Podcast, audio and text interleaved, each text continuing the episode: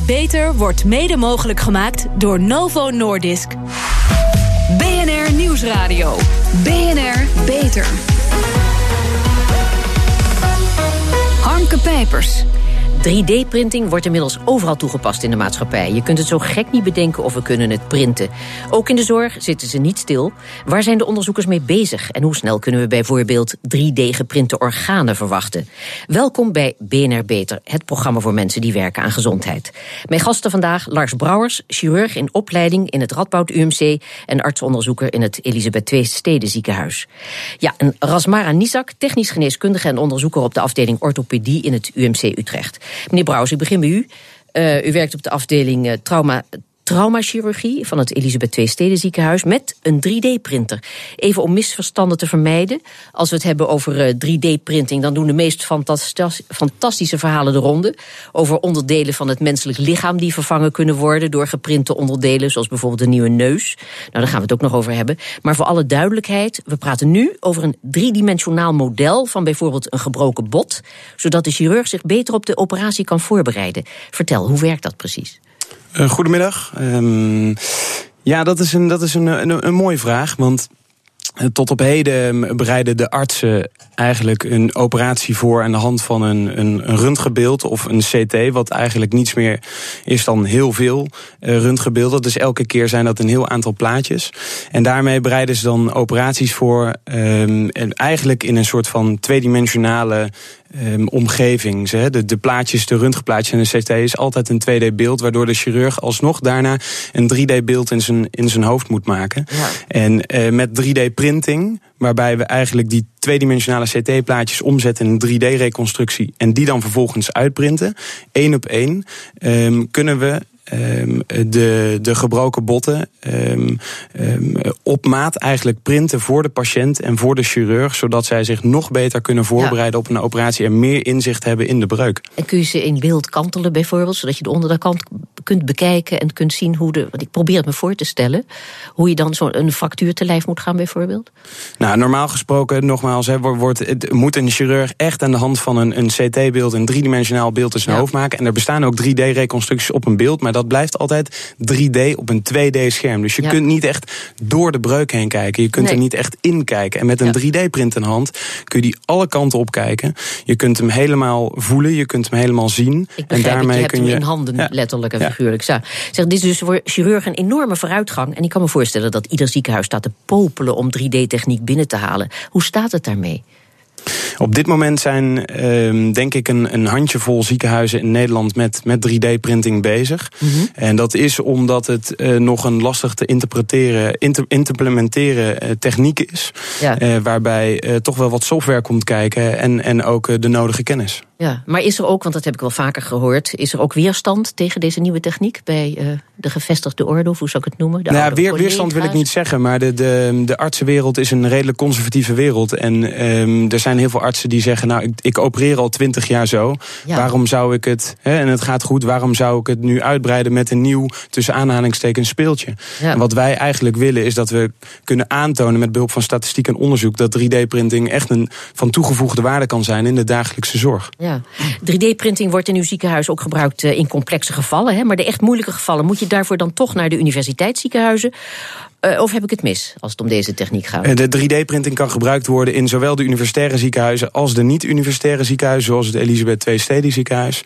En samen met uh, Mike Beeman, traumachirurg, heb ik uh, anderhalf jaar geleden het 3D-lab um, in, in Tilburg opgericht. Waarbij we nu streven om um, alle patiënten met een, een breuk die binnenkomen een 3D-geprint model te maken, zodat we ons ideaal kunnen voorbereiden op de operatie.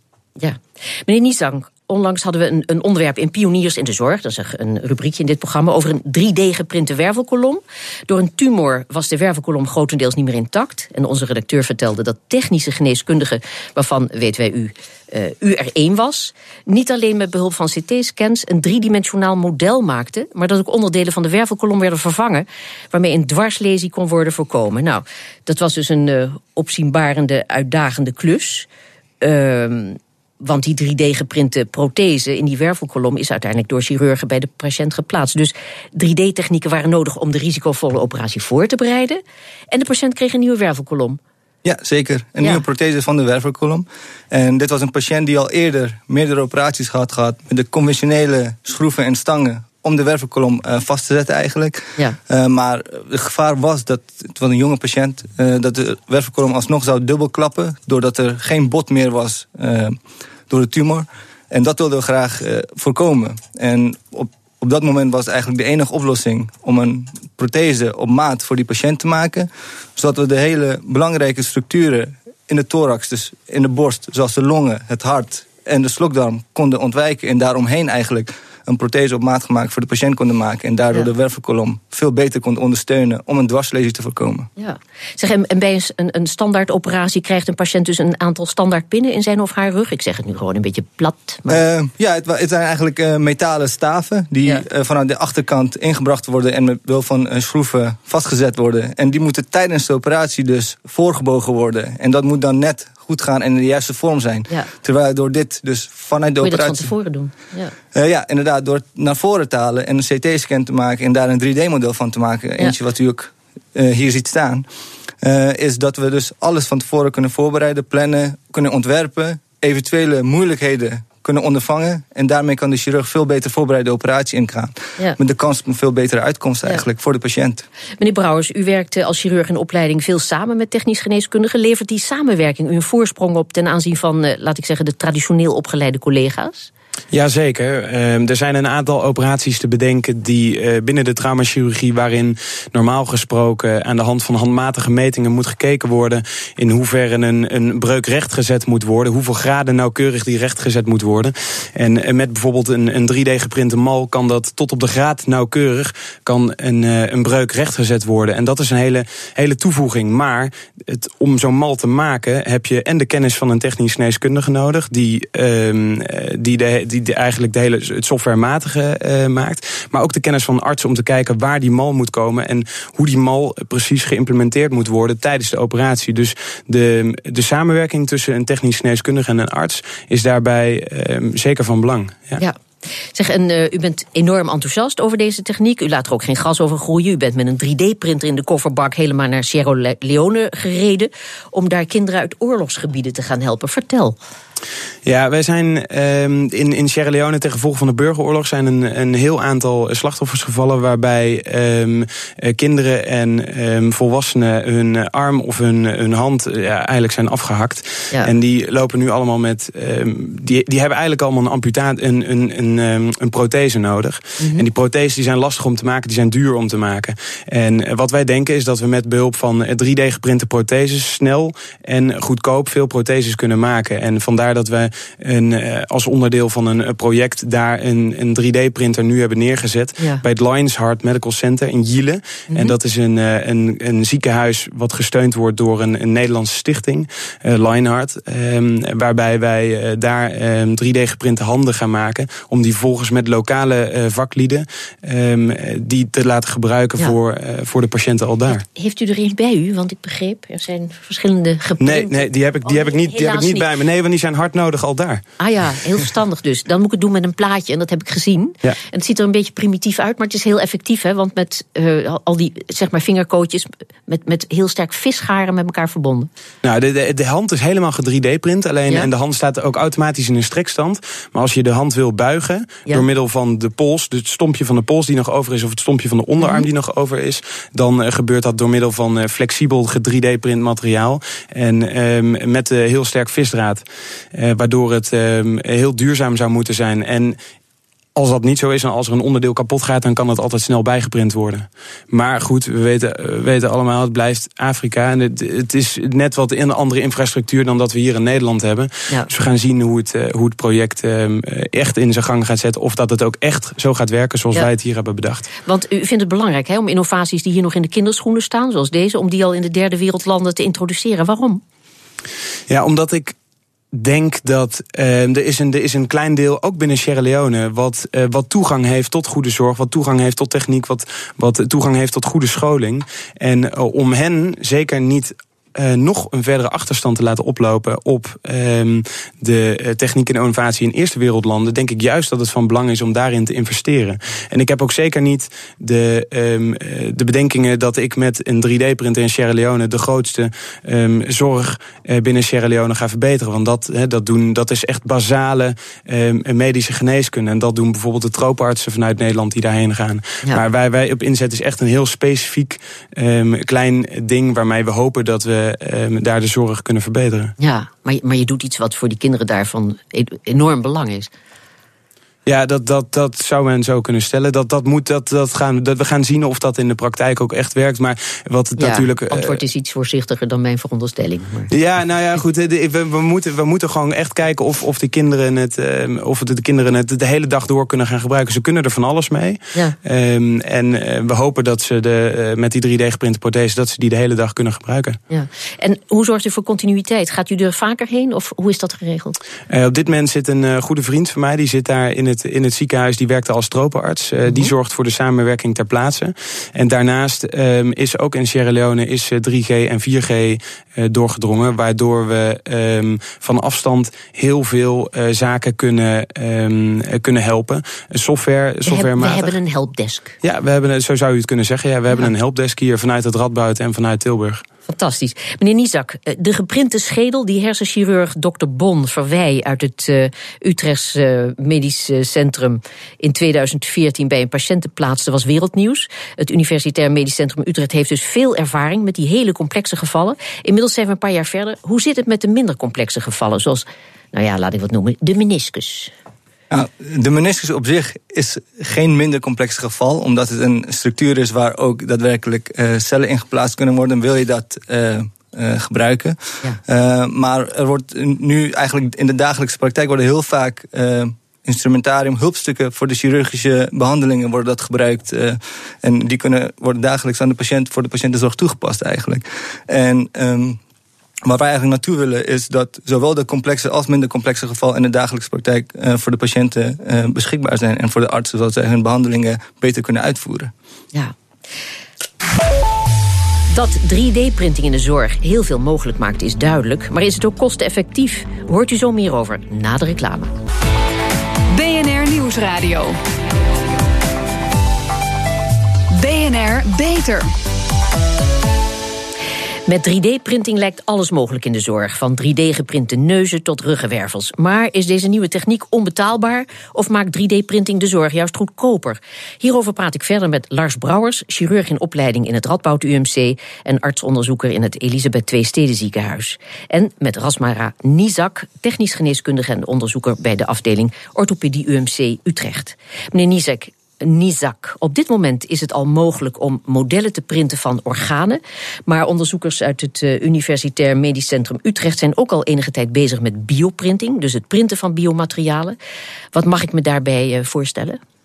Uh, wat u daarbij kan voorstellen is dat we kleine stukjes uh, verschillende soorten weefsel kunnen printen. En specifiek zijn wij vanuit orthopedie bezig met het printen van bot en kraakbeen. Uh, dus wij concentreren ons op uh, ja, bot- en kraakbeendefecten. En men weet dat uh, kraakbeen heeft zelf geen zelfherstellende functies. Mm -hmm. Dus op het moment dat u kraakbeen in de knie, bij sporters bijvoorbeeld, bij jonge mensen stuk gaat, ja. dan kan het van zichzelf niet meer regenereren. En bij het niet behandelen daarvan leidt het tot ja, artrose en krijg je uiteindelijk een, een knieprothese. Nou, dat willen we allemaal voorkomen. Mm -hmm. Dus wij willen eigenlijk gaan kijken hoe kunnen wij zorgen dat we kraakbeendefecten, klein en groot, uh, beter kunnen behandelen. En daarbij kijken we dus naar 3D-printmogelijkheden. Waarbij we dus een stukje bot, een stukje kraakbeen en ook de integratie tussen de twee verschillende weefsels uh, kunnen uitprinten. En dat is eigenlijk waar de uitdaging zit. Dus niet alleen verschillende soorten cellen of weefsels printen, maar die ook met elkaar laten communiceren ja. en met elkaar laten functioneren tot een algeheel weefsel uh, in het lichaam. Ja. Zodat die de functie van het uh, lichaams eigen werk overneemt. Is, is nog niet gebeurd, hè? Nee, uh, het is op dit moment in onderzoeksfase. Mm. Dus er zijn onderzoeken gaande. Wij kunnen kleine constructen printen van enkele centimeters. maar om het daadwerkelijk in de mens te brengen, dat, gaat, dat duurt nog een aantal jaar. Ja. een, een veelbelovende ontwikkeling waar menigeen heel blij van zal worden. Ik ken nogal wat mensen die uh, maar één keer per dag de trap op en af kunnen met zo'n knie, vreselijk. De Universiteit Utrecht die kan maar tien studenten per jaar toelaten tot de Master Biofabrication, zoals dat heet.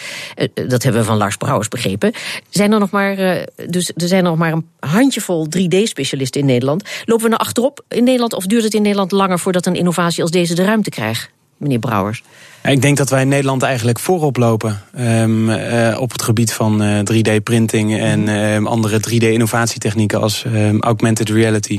Samen met uh, de Verenigde Staten wordt er, denk ik dat Nederland er wel redelijk redelijk veel onderzoek wordt gedaan op dit moment. Er blijven, als ik op congressen kom, er zijn altijd heel veel artsen die, die zeggen: uh, wij gebruiken een 3D-print en de resultaten waren geweldig. En uh, daarom moeten we een 3D-print gebruiken. En dat, dat klinkt mij altijd een beetje in de oren als wij van WC Eend adviseren WC Eend. Ja. Uh, met andere woorden, er is heel weinig onderzoek wordt er nog gedaan binnen 3D-printing.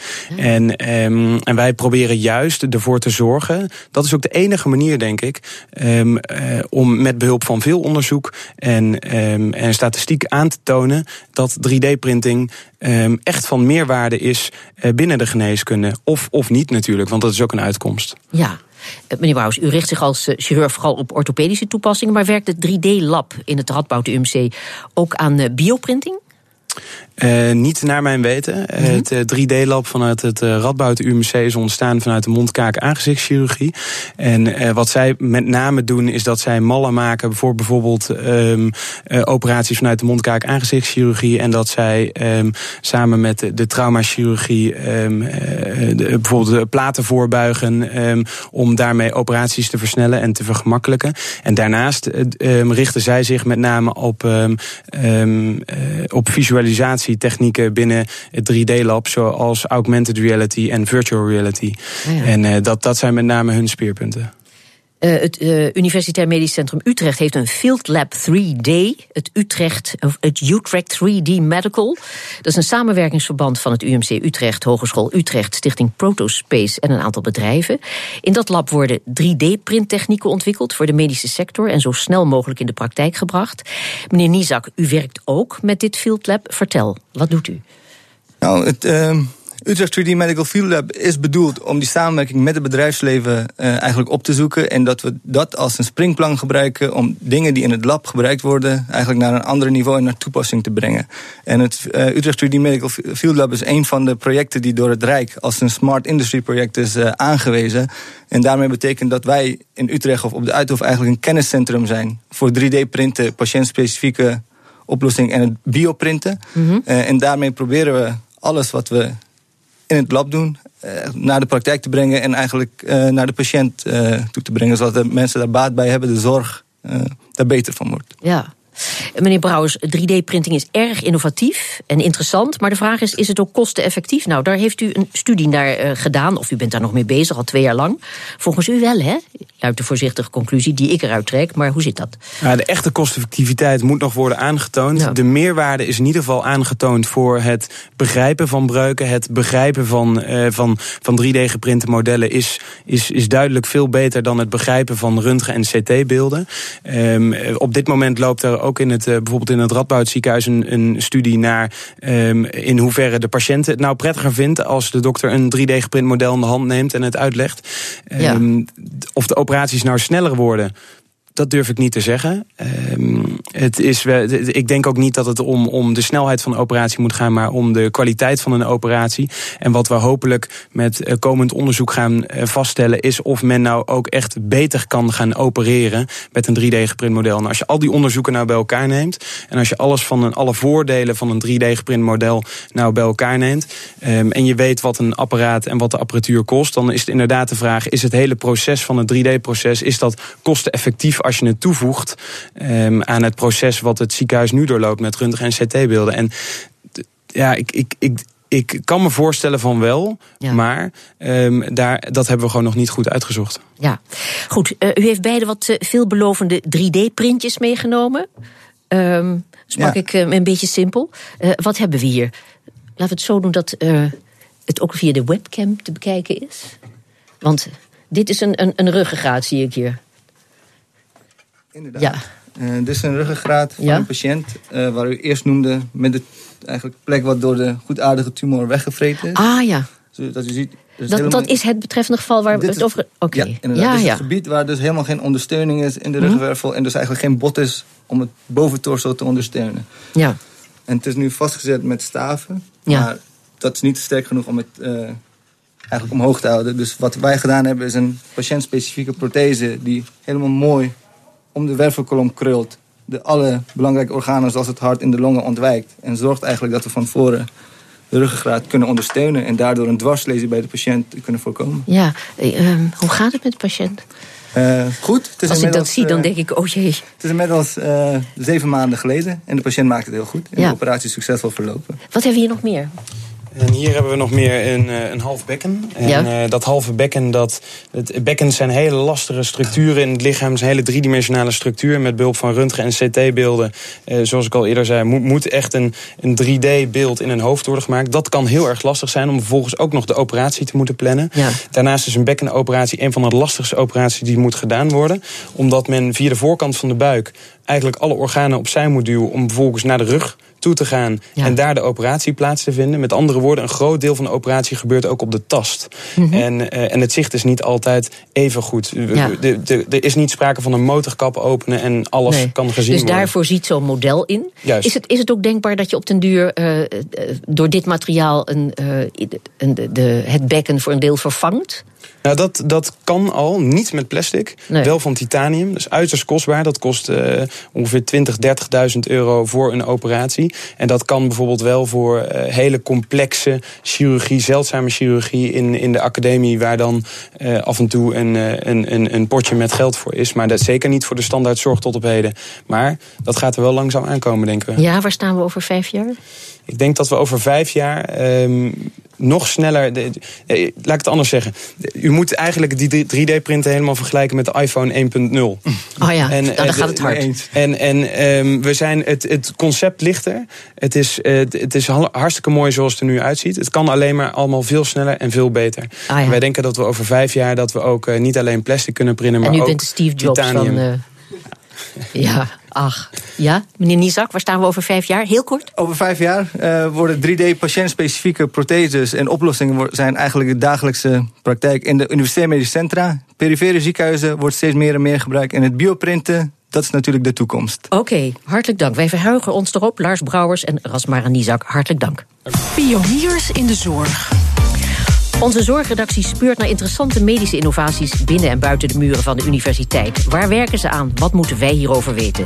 Kelly Nijhoff, nieuwe inzichten voor kinderen met een zeldzaam syndroom.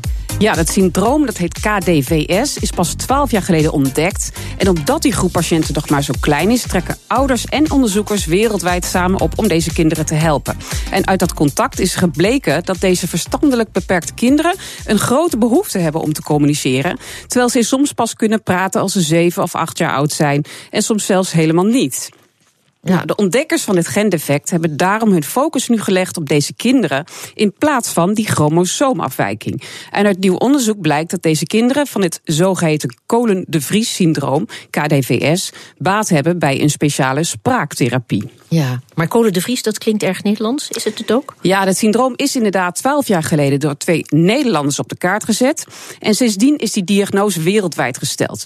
Die ontdekkers David Kolen en Bert de Vries hebben nu samen met collega's van de revalidatielogopedie in het Radboud UMC en een onderzoeksinstituut uit Australië 30 kinderen en jongvolwassenen op de spraak- en taalvaardigheden onderzocht. We luisteren even naar een van de pioniers, David Kolen van het Radboud UMC in Nijmegen, die iets vertelt over de expertisepolies. Dat zien we dus op zo'n expertisepolie ook.